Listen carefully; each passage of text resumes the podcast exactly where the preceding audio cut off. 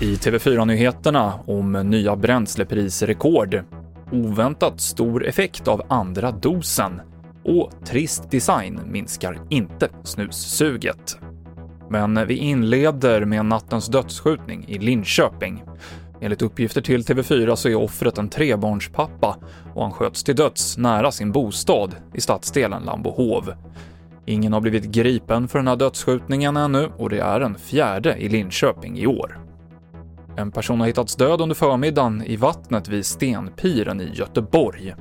I nuläget så finns det inga uppgifter om varken ålder eller kön på den här personen.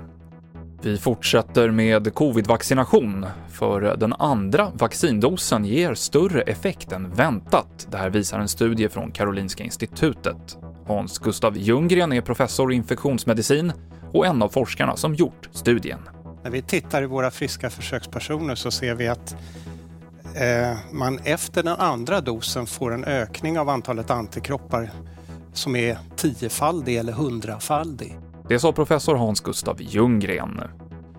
Drivmedelspriserna höjs återigen och nu spränger dieseln 19 kronors vallen. En liter diesel kostar, efter den senaste höjningen på onsdagen, 19 kronor och 17 öre. Det är upp med 20 öre litern.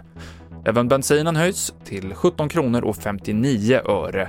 Bakom de rekordhöga priserna ligger framförallt stigande världsmarknadspriser på olja som ligger på den högsta nivån på tre år.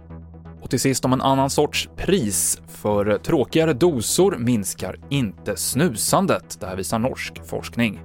Sedan tre år tillbaka så har man standardiserat utseendet på cigarettpaket och snusdosor i Norge utan till exempel logotyper och utstickande design.